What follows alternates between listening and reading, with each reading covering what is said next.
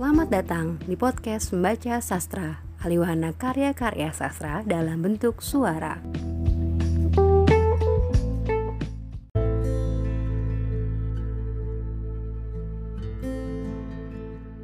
Pukul 4 pagi, tak ada yang bisa diajak berbincang.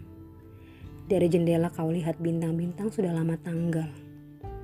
Lampu-lampu kota bagaikan kalimat selamat tinggal. Kau rasakan seseorang di kejauhan menggeliat dalam dirimu. Kau berdoa, semoga kesedihan memperlakukan matanya dengan baik. Kadang-kadang, kau pikir lebih mudah mencintai semua orang daripada melupakan satu orang. Jika ada seseorang terlanjur menyentuh inti jantungmu, mereka yang datang kemudian hanya akan menemukan kemungkinan-kemungkinan dirimu tidak pernah utuh, sementara kesunyian adalah buah yang menolak dikupas. Jika kau coba melepas kulitnya, hanya akan kau temukan kesunyian yang lebih besar. Pukul 4 pagi, kau butuh segelas kopi lagi.